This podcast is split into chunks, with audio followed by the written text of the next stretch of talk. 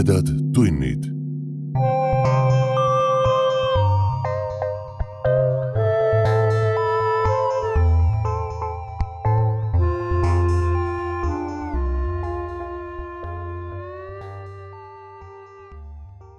tere, hea ulmesõber!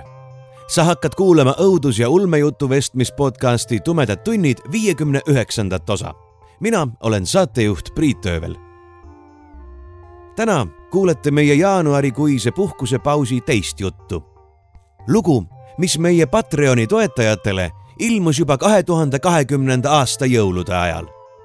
detsembris kaks tuhat kakskümmend kaks ilmus seega ulmeajakirjas Reaktor nii et meenutagem äsja möödunud jõulupühi ja mõelgem, miks mõned inimesed tähistavad neid värvikamalt ja jõulisemalt kui teised.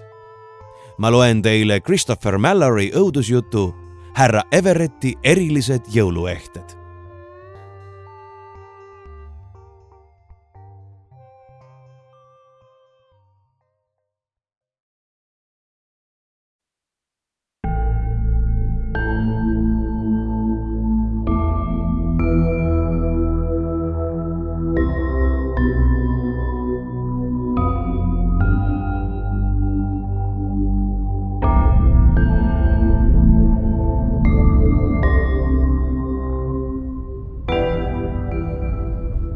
unusta kunagi kahe tuhande üheksanda aasta jõuluõhtust lumetormi.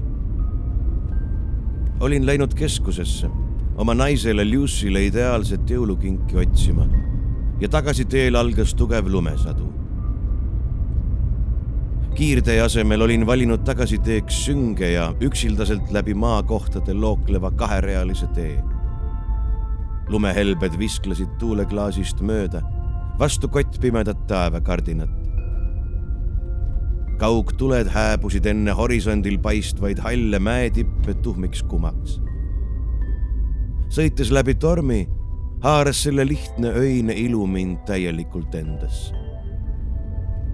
äkitselt hakkas rool mu pihkude vahel vibreerima ja auto viskus kursilt kõrvale. tulin oma lummusest välja just viimasel hetkel ja jõudsin veel paremale pöörata püüdsin anda oma parima, et jäisel teel mitte liiga palju ja järsult rooli keerata ja olukorda veelgi hullemaks muuta. auto liugles aga omasoodu ja hetke jooksul olin juba kindel, et kraavisõidust ma seekord ei pääse. alles viimasel hetkel, päris kraavipervel said rehvid pidamise tagasi. mu süda tagus kiiresti ja kõvasti aga silmad olid endiselt hüpnootilisest lumesajust väsinud. tegin aknad lahti, et külm tuul meeled jälle erksaks teeks. see oli olnud napikas. kaalusin võimalust tee kõrvale tõmmata ja oodata, kuni suurem sadu järgi annab. aga see tee oli ohtlik ka ilma lume ja kiilasjääta. aastakümnete jooksul oli nende mändide vahel liiga palju inimesi surma saanud ja ma ei tahtnud saada üheks neist. vähem kui kolm aastat tagasi oli mu naaber Paul Vickers püüdnud ilmselt teele hüpanud kitse eest kõrvale põigata ja auto üle kontrolli kaotanud. üks asešeriffidest leidis ta järgmisel hommikul, loomulikult surnuna. see oli silmapilkne, oli šerif Royce mulle pead raputades öelnud Paulil oli näol sama surmani hirmunud ilme nagu neil surnud matkajatel, kes mäekurusse lõksu jäid ja nädala pärast leiti. nagu nemad, nii teadis ka Paul, et sellest ta eluga välja ei tule. ma ei öelnud talle, aga mul oli hea meel, et Paul suri. ta oli avariis kaela murdnud ja ta oleks elu lõpuni halvatuks jäänud. jah sellest on kahju, et ta oli tol ööl üksi kartnud ja kannatanud. aga kui aus olla, siis ei olnud kaela murdmine ainus põhjus, miks ma tema surma pärast pisaraid ei valanud. ta polnud tore mees. alustas Caroli pubis pidevalt kaklusi ja kui Carol ta välja viskas, siis läks koju ja peksis seal oma vanamoori. nii mõnigi kord tegi ta seda nii hullusti, et vaene naine haiglas lõpetas püha taevas. ja kui te juba küsite, kas polnud see mitte aasta hiljem, kui ka Jen Harperi väike tütar Susie surma sai? mudilane oli keset ööd üles ärganud ja nähes värskelt maha sadanud lumevaipa, ilmselt otsustanud õue mängima minna. sellest õnnetusest sosistatakse linnas siiani. Öeldakse, et rekkajuht, kes tema peast üle sõitis, oli lumest nii pimestatud, et ei peatunudki, vaid sõitis edasi. ma olin siis Carolis, kui šerif Royce ja Jake juhi kätte said kui too kuulis, et on väikese Susie Harperi surnuks sõitnud, langes ta põlvili ja tagus rusikatega oma laupa. tema hingeõhus oli tunda viski hapukat lehka. palun, šerif, nuttis ta ila suunurgast tilkumas. sa pead mind uskuma, ma ei näinud teda. ma, oh jumal. Jake lõi tal käed raudu ja šerif Royce viis ta ära hiljem istungil väitis juht, et ta mäletab otsasõitu mingile väikesele keset teed seisnud lumehunnikule, aga mitte lapsele. nagu oleks keha vedelenud teel juba enne, kui kaheksateistrattalise rehvid oma töö tegid. kuigi juhi versiooni päriselt ei usutud, kuulutas kohtunik Davis selle siiski õnnetuseks. peaaegu kõik linnas arvasid, et juhi aju on selle hirmsa mälestuse oma peas vaimse tervise kaitseks lihtsalt ära blokeerinud. mina jäin selles osas skeptiliseks, aga Lucy uskus teda. Lucy, ohkasin ja vaatasin kella armatuurlaual. oli juba hilja ja ta oli kindlasti juba mures. tahavaatepeeglisse ilmusid autotuled mõne hetke pärast vuhises minust mööda pikap ja andis signaali. kehitasin õlgu. ta ilmselt arvas, et ma olen mingi vanamees, kes ei oska sõita. tõsi, ma olen vana ja ma olen ettevaatlikum kui enamik teisi.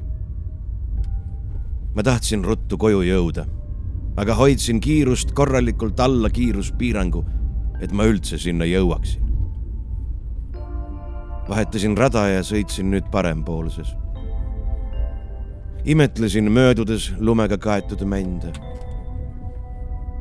torm oli suutnud tekitada mingi rahuliku selguse, maagilise tunde, mis asus peaaegu aset leidnud avariist põhjustatud ärevuse asemele. olen sõitnud läbi paljude tuiskude ja tormide, aga sel õhtul oli see kuidagi teistsugune nagu oleksin näinud erakordselt selget und. tundsin oma kontides, et juhtumas on midagi erilist. jõuluime, nagu neis vanades mustvalgetes filmides. Tõmbasin sügavalt kopsudesse karget ööõhku ja mändide lõhna ning naeratasin. võib-olla oli see avatud aknast sisse lendlev ja näol sulav lumi mis oli mu naha niimoodi kirvendama pannud. seekord tulevad kindlasti valged jõulud, ütlesin omaette ja naersin. hoolimata ilmateadetest sadas meie väikeses linnas jõulude paiku alati. Diego mahajäetud farmi juures kurvist välja tulles nägin silmapiiril paistvat linnakuma. haigutasin ma olin kogu sellest shoppamisest väsinud.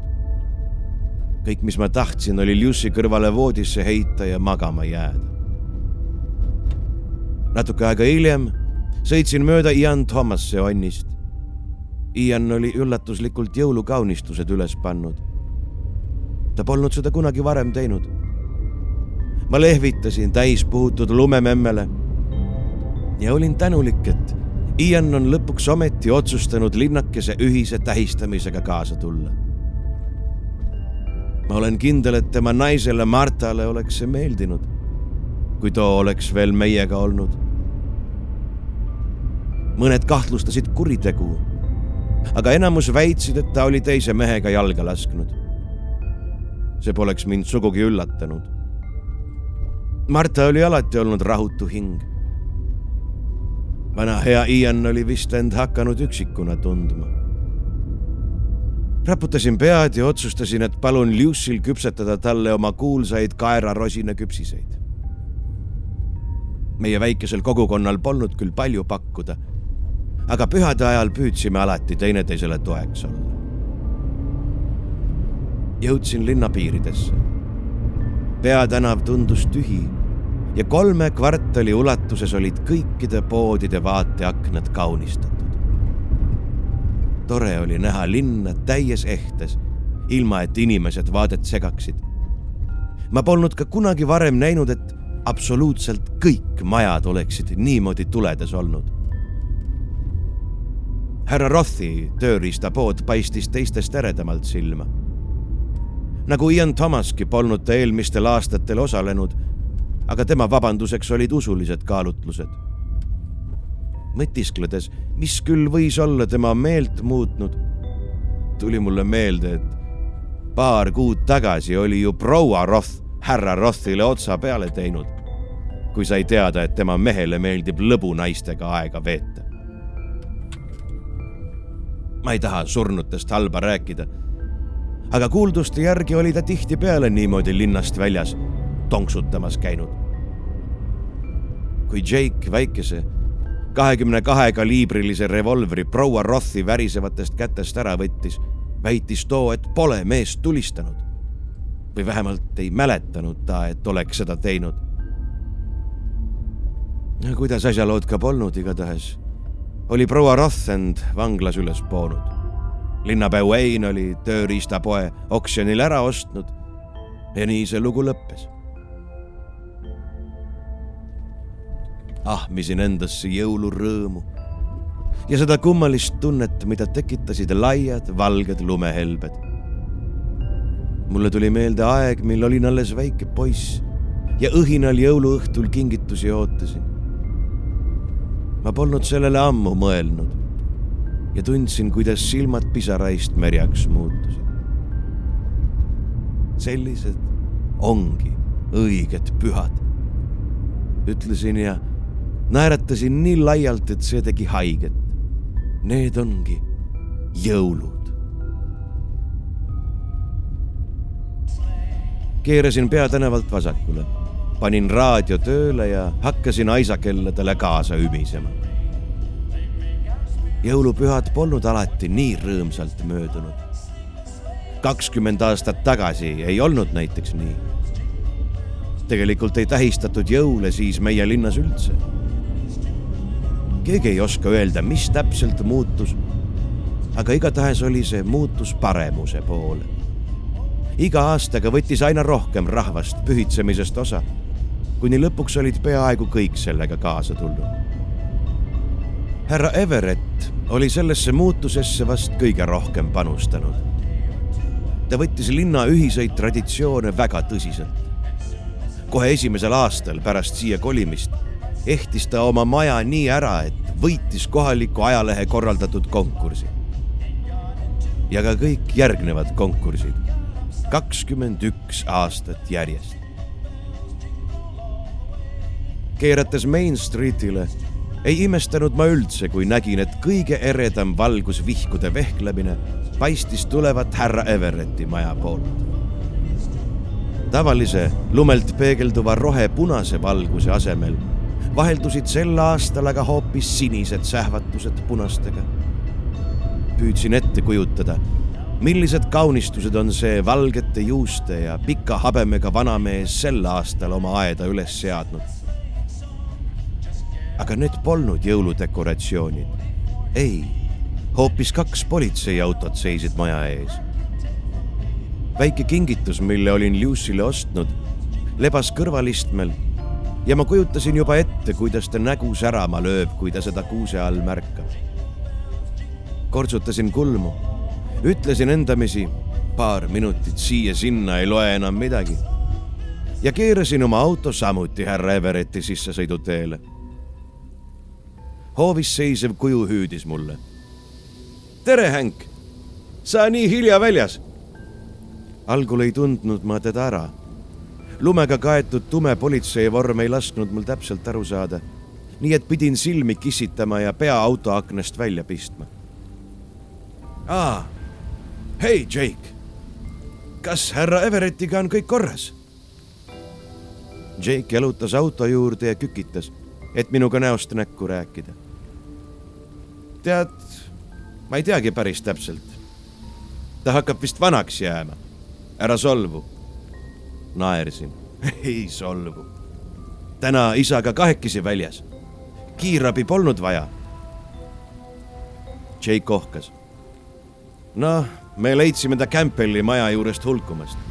pani vaikse signa tööle, kui tagauksest sisse läks. Raputasin pead. tundub nagu Alzheimer. jah, tundub küll. ega Campbellid ometi süüdistust esita see pere oli alles hiljuti ühest läänepoolsest suurlinnast siia tulnud.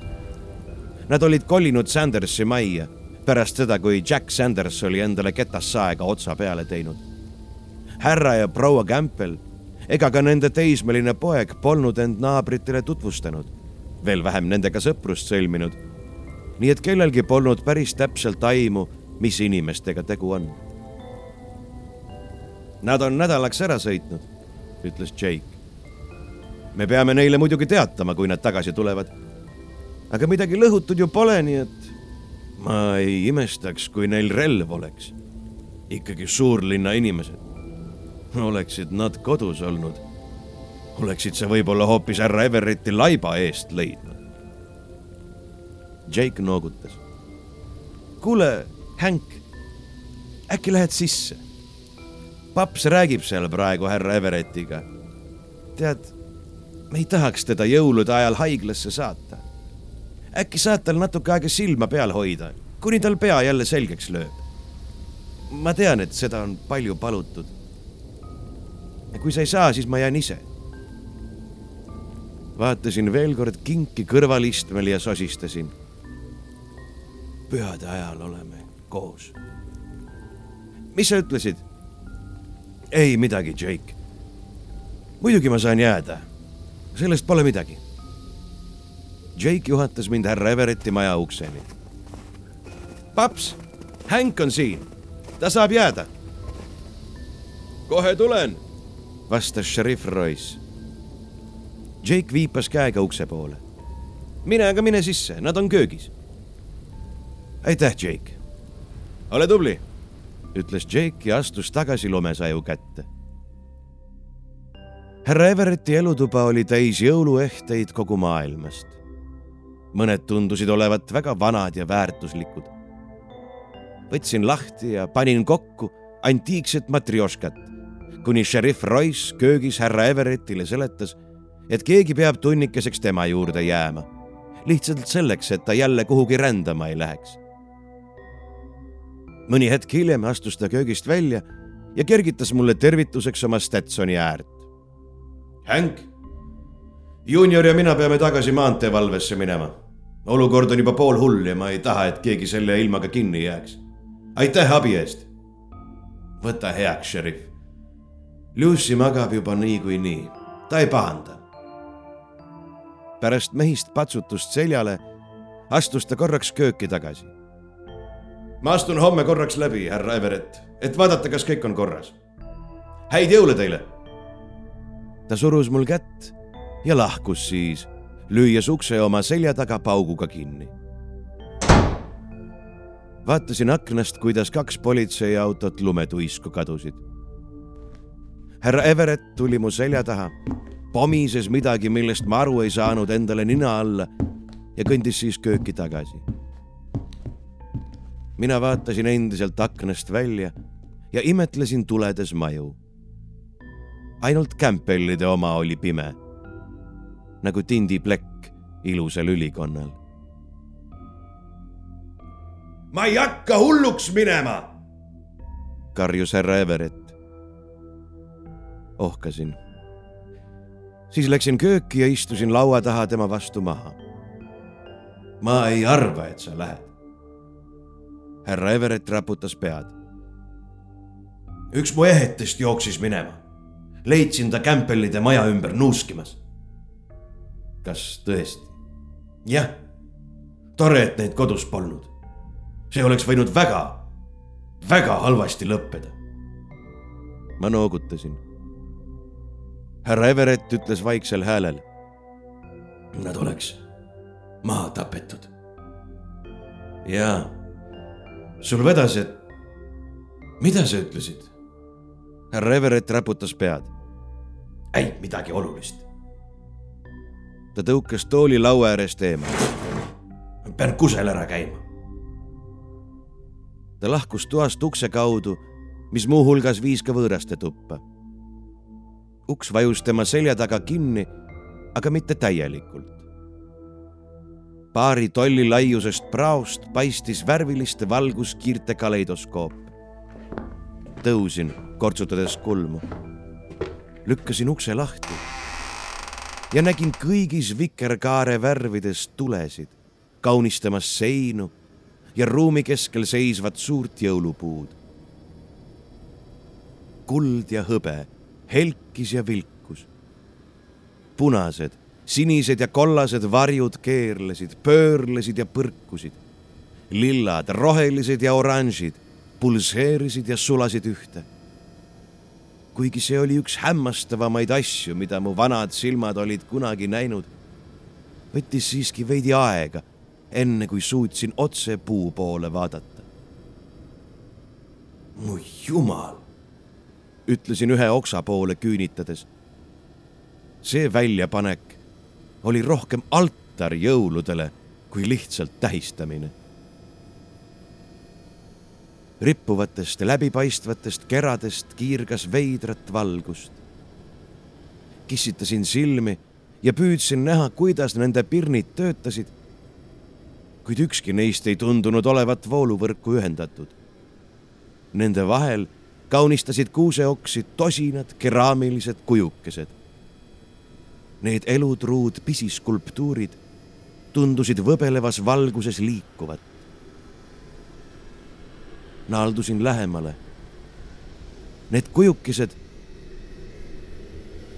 kujukesed liikusidki. Paul Vickersi koopia sirutus minu poole, tillukesed käed õhku haaramas. Väike nägu oli agoonias väändunud ja sülgas hääletuid needusi. põrkusin ehmunult tagasi, karjatus kurgus kinni aga oli juba hilja. silmapilgu jooksul olin neid kõiki näinud. Susie Harper, pea ja rind sisse muljutud, keha tõmblemas. Diegode pere, näod vingumürgitusest sinised. Martha Thomas, kõri läbi lõigatud ja püüdmas õhku ahmida. härra Roth, veri nirisemas mitmest kuulihaavast rinnus. proua Roth, silmad pealuust välja tungimas Jack Sanders, verega kaetud ja oma siseorganeid süles hoidmas. seal oli veel teisi, palju teisi. ilus, kas pole? ütles härra Everett kusagilt mu selja tagant. Pöörasin kiirelt tema hääle suunas. nägin pesapalli kurika vilksatust ja mu pead läbis rebestav valu, enne kui kõik pimedaks läks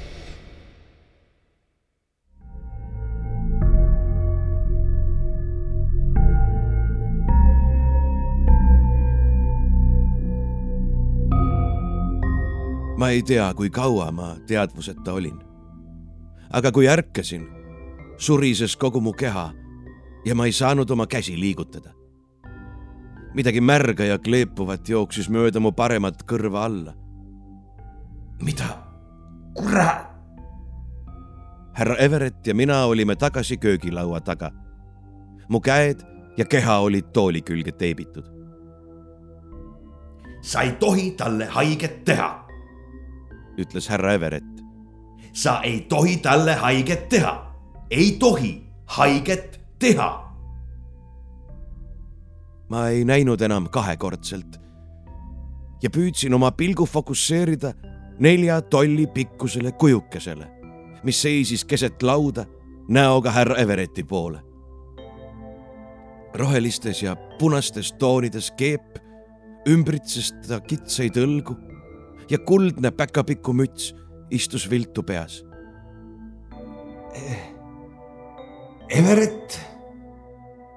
härra Everett viibutas kujukese poole sõrme. Hank ei ole üks pahadest ja sa ei saa teda. sa oled juba niigi palju võtnud. lase mul minna, mõmisesin. ei, karjus härra Everett. ma ei tapa teda ära, sa väike lirva. kuulsin vaikset helinat, kui kuju pöördus, pisikesed kuljused mokassiinide küljes. kuju, väike inetu elukas, kallutas oma pea küljele. tema metsarohelised silmad muutusid kitsasteks piludeks, kuni ainult nööpnõela pea suurused iirised olid nähtavad. ta tegi grimassi ja suutäis teravatipulisi hambaid krigisesid üksteise vastu, nagu oleks metalli kraabitud. Siis ta sisises ja hüppas laualt mu rinnale. Jeesus Kristus, Everett, võta ta ära, võta ta minu pealt ära. ma väänlesin ja püüdsin elukat maha raputada, kui see ülespoole rabeles ja mind näost haarata püüdis. ole rahulikult, Hank, ja ta ei tee sulle midagi. surusin käed rusikasse ja hoidsin hinge kinni, kui see end mu habemest kinni hoides mu vasaku silma juurde upitas. Ta naeris, hüppas mu näost eemale, lauale, tegi kukerpalli ja tõusis kuljuste kõlinal jalule. lase mind koju Lussi juurde, Everett. ma vannun, et ei räägi kellelegi su lemmikloomast sõnagi. jumala nimel ei räägi. ta tahtis seda Campbelli poissi, väikest varganägu. too on sellest saadik asju pihta pannud, kui nende pere siia kolis. Oleks poiss kodus olnud, oleks nende maja põlema pandud. mu lõug vajus ripakile. sa tahtsid Campbellide poissi ära tappa? ei, ei, muidugi mitte. Everett naeris ja osutas olendile. tema tahtis. mina püüdsin teda peatada. põrgut ma alati püüan, aga sellest ei tule midagi välja. Kui linnas on mõni mädamuna, siis ta hakkab neid jahtima. täiskasvanud, lapsed, vahet pole, kes. hei, ära vaata mind nii. sa tead sama hästi kui mina et Susie Harper oli talumatu, vastik, väike jõnglane. temast oleks kasvanud hirmus inimene ja ta sai, mille ära teenis. Need olid kõik halvad inimesed. Sikutasin oma köidikuid ja tooli käetoed nagisesid. see ei ole ju võimalik. Argentiinas, viiekümne neljandal ütles härra Everett oma toolis lösutades. siis ta leidis mu. jumalast ehtne päkapikk, Hank, vaat mis ta on. see on koletis. Elukas hüppas jälle minu poole, hambad paljastatud. härra Everett lõi rusikaga lauale. ei, jäta ta rahule. olevus osutas minule ja siis jõulupuule, mis tulede säras külaliste toas seisis. mind ei huvita, vehkis härra Everett tõrjuvalt käega. mine tee teises toas oma tähtsaid asju, jäta meid mehi rahule. elukas sisises. Kohe, kurat, võtaks. elukas tõstis rusikad ja raputas neid pea kohal. härra Everett pani käed rinnale risti ja vaatas tema poole kuni too laudlina mööda alla ronis ja külaliste tuppa läks. siis ta ohkas ja ütles nagu muuseas. Need kuuse küljes rippuvad kujukesed on pahade inimeste vangistatud hinged. Tavaliselt sõida nad kohe ära. aga nüüd viimastel aastatel on koguma hakanud. sa ei usuks, kui ma ütleksin, miks. neelatasin ja proovisin uuesti oma köidikuid palun, sa pead mind minna laskma. tool nagises taas. kindlasti kuulis ta seda, aga ma teadsin, et ühe korraliku tõmbega oleksin ma vaba. külaliste toas purunes miski kildudeks. siis kostis valjem mürtsakas ja veel üks. härra Everett tõstis käe ja vaatas kella. on aeg, Hank. seda ei saa enam peatada, isegi kui sa tahaksid. ma olen seda aastakümneid oodanud ja nüüd, nendel jõuludel see viimaks juhtub ta tõusis aeglaselt ja suurt lihanuga käes hoides astus minu poole. mu silmad läksid suureks. mida kuradit sa teed? jõulutulede valgus peegeldus noateralt, kui härra Everett selle kiirelt kaarega allapoole tõi. tõmbusin toolil tagasi nii palju kui võimalik ja püüdsin oma keha püstisemasse asendisse saada, kui noatera mu käe kõrvalt mööda vuhises tooli vasak külg raksatas ja purunes. tõstsin järgmise löögi tõrjumiseks käed. härra Everett muheles ja osutas noaga minu poole. vaatasin alla, segaduses selle üle, kuidas mu käsi sai vaba olla. siis taipasin, et ta ei olnud mitte mind püüdnud lõigata, vaid teipi. ega see mulle kallale tule, Hank ma lasen su vabaks.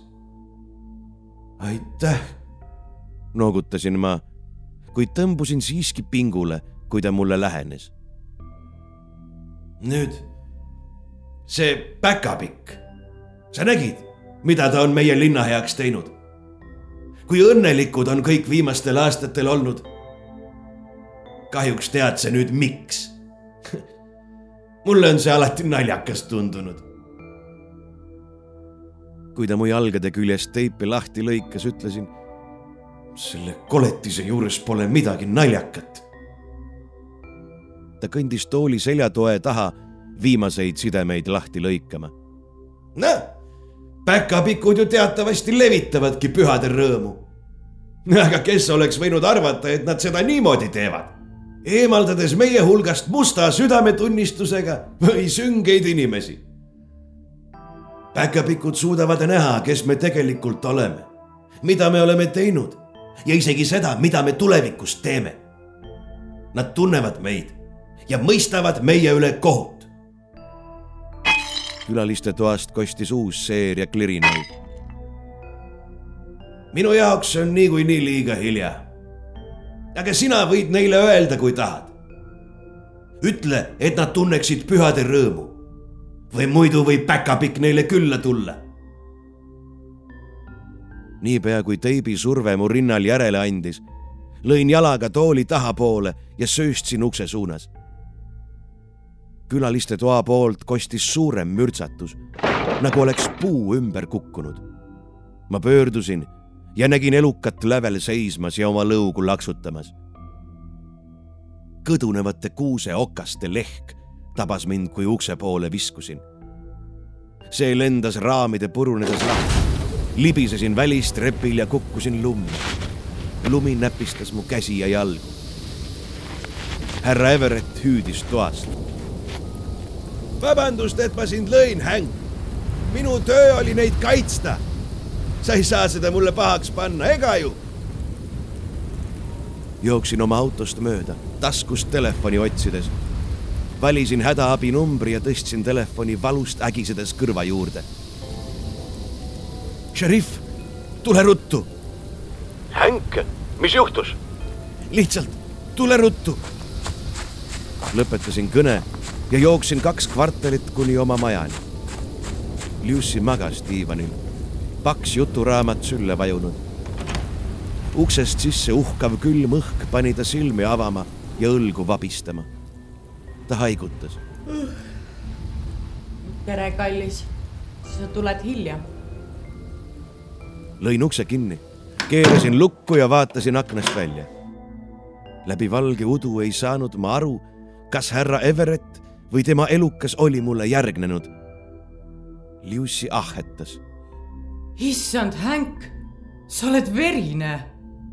tormasin läbi maja ja kontrollisin üle kõik aknad kas neil pole märke sissemurdmisest? märke polnud. siiski soovisin ma, et šerif Royce kiirustaks. sa hirmutad mind Lucy haaras mul käsivarrest, siis surus oma soojad käed mu põskede vastu. ütle, mis lahti on? sain aru, kui pöörane ma võisin tunduda, aga kõige seletamiseks polnud aega. Everett, suutsin öelda ikka veel hingeldades. midagi juhtus. šerif Royce tuleb kohe. kas ma saan midagi teha? ei, ütlesin võtsin tal õrnalt käest ja viisin tagasi diivani juurde. oota siin ja ära lase kedagi sisse. nägin juba küsimust ta huultele kerkimas ja tõstsin käe. palun, Lucy, ära ava ust ükskõik mida või keda sa ka väljas ei kuuleks. Ta noogutas ja mina jooksin ülejäänud maja kontrollima. väike elukas oleks võinud majja sisse saada miljonil erineval viisil. nii et pärast kiiret ülevaatust võtsin kapist oma Remingtoni ja istusin Lucy kõrvale tugitooli, jahipüss süles. hoolimata minu vastuseisust läks Lucy kööki ja tõi sealt esmaabikarbi. ta sidus mu kõrva kinni, samal ajal kui mina hoidsin oma silmi ukse küljes ja sõrme päästikul. kui ta lõpetas, hakkas aknast paistma sinist ja punast vilkumist üks kuju kõndis esiku akna tagant mööda ja koputas uksele. panin püssi palge ja noogutasin Lucy'le, et ta ukse avaks. tere õhtust, Lu-.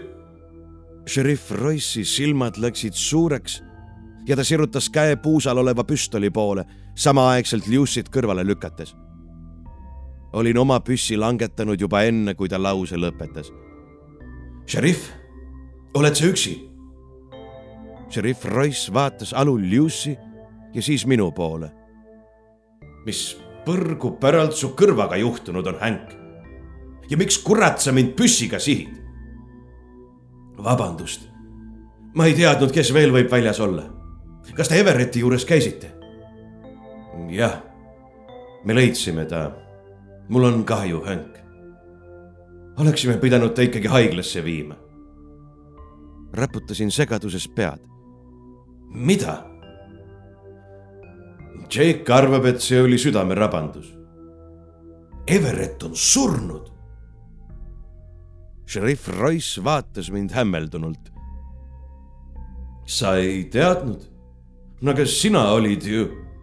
kukutasin jahipüssi tugitooli kõrvale ja trügisin šerif Royce'ist ja Lucy'st mööda. lumesadu oli piisavalt nõrgemaks jäänud, et võisin Pikimeie tänavat näha härra Everetti maja ees seisis Jake'i politseiauto kõrval kiirabi. jooksin maja poole, Lucy ja šerif Royce mulle järgnemas ja karjumas, et ma peatuksin. peatusin kiirabiauto kõrval, kus parameedikud olid parajasti härra Everetti surnukeha autosse tõstmas. Enne kui uksed sulgusid, märkasin ta näkku tardunud enesega rahulolevat tirvet. Jake kõndis minu juurde. vähemalt nägi ta jõulude saabumise ära. vaatasin kella, see oli pool üks. kus see väike koletis on, nägid sa teda? Jake kissitas silmi. mis, tal on kass või midagi? Raputasin pead. või midagi. astusin majja kuuletasin tähelepanelikult ja jälgisin igat nurka, ega seal miski ei liiguta. kõdunevate kuuseokaste jälk lehk oli endiselt kohal, kuid hajumas.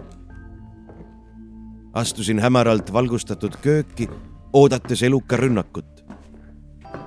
märkasin, et tooli, mille külge ma seotud olin olnud, enam polnud. külaliste toa uks oli suletud asetasin käe puust ukselingile ja kõhklesin. šerif Royce, Jake ja Lucy olid mulle järele tulnud ja seisid murelikult sosistades mu selja taga. neelatasin raskelt ja lükkasin ukse lahti. suur kuusk oli pikali. Kõik need imekaunilt hiilanud kerad olid purunenud pisitillukesteks klaasikildudeks. kõik kujukesed olid tundmatuseni purunenud enamusest oli järel vaid pulber. puu all lebas katkine köögitool. Jake pani mulle käe õlale. siit me ta leidsimegi. tundub, et ta tahtis ehet puu külge riputada. Ja siis ta süda üles ütleski. vaene mees tõmbas puu endale peale. hoidsin karjatust tagasi mõtted tormamas peas vaatasin toas ringi. tundsin, et kusagil kuklas on kõigele selgitus. mürtsatused, klirinad, kõdunenud kuuseokaste lõhn ja härra Everetti viimased sõnad. Kõik need ketrasid aina mu peas. mühatas Jake ja põlvitas. mis läga see on? Lucy naeratas tundub nagu kuusevaik. härra Everett suri tehes seda, mida ta armastas, ütles šerif Royce. aitäh, Hank, et sa neil viimastel hetkedel temaga olid. Ta osutas mu seotud kõrvale. tundub, et see puu sai sinust kah tüki kätte, mis? pani vist korraks peas kellukese helisema. kellukesed, ütlesin kusagil kaugel oleksid nagu kuljused tilisenud. Liussi kallistas mind. äkki läheksime haiglasse? sul võib peapõrutus olla. Kellukesed, ütlesin uuesti. kas te ei kuule? jõllitasin vaigu loiku. see tundus olevat laienenud tagaukse suunas kõndisin üle toa akna juurde ja uurisin puutumatut lund, kuulatades õrna tilinat. maailm väljas oli valge, liikumatu ja vaikne. maailm oli valesti. Äkki tabasin liikumise. elukas seisis metsapiiril keset suurt hulka erkrohelisi kuuseokkaid ja vaatas minu poole siis ta lehvitas. mu veri tardus soontes. see puu kukkus päris suure hooga. sosistasin hajameelselt. Sain sellega vastu pead ja see lõi mind vist veidi sassi küll. pöördusin aknast eemale. tule, Liussi Lähme koju. noogutasin šerif Royce'ile ja Jake'ile. siis jätsime Lucy'ga nad oma tööd tegema. ta ei küsinud midagi, kui me läbi lume koju sumpasime. ja me ei rääkinud sellest ööst enam kunagi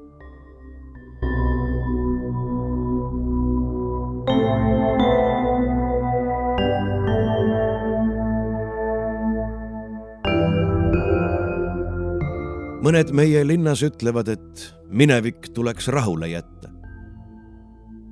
ma olen nendega üldiselt nõus. aga igal detsembril tuleb mulle meelde see torm ja see, mida ma nägin seal metsaserval. igal aastal, kui hakatakse kaunistusi üles sättima, mõtlen ma, kas peaks kellelegi rääkima, milles peitus härra Everetti jõuluehete tõeline saladus nüüd, kui ma olen vana ja Lucyt enam pole, tundub, et on viimaks aeg. kui ma seisin seal langenud kuuse kõrval, nägid mu silmad lugematuid väikeseid vaiguseid jälgi, mis viisid metsa poole. vaadake kujukesed polnud ainsad ehted, mis mind hirmutasid. Need ilusad hiilgavad kerad olid samuti erilised. Need olid munad, millest koorusid tuhanded kuuseokka päkapiku beebid, kes pidasid pidusööki jõuluhommiku esimesel tunnil.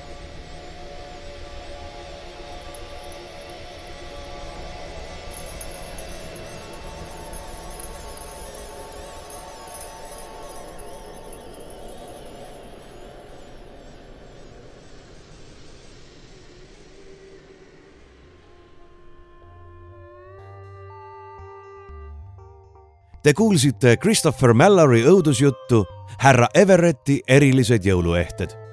tõlkisin ja lugesin mina, Priit Öövel. juba veebruaris jõuavad uued jutud nii meie podcasti kuulajate kui ka toetajateni. seniks jagage meid ikka oma sõprade ja vaenlastega. hakake meid jälgima ja hinnake meie sooritusi Spotify's, Facebookis ja Youtube'is ning võimalusel hakake meie toetajaks aadressil patreon.com kaldkriips tumedad tunnid. kõhedate kuulmisteni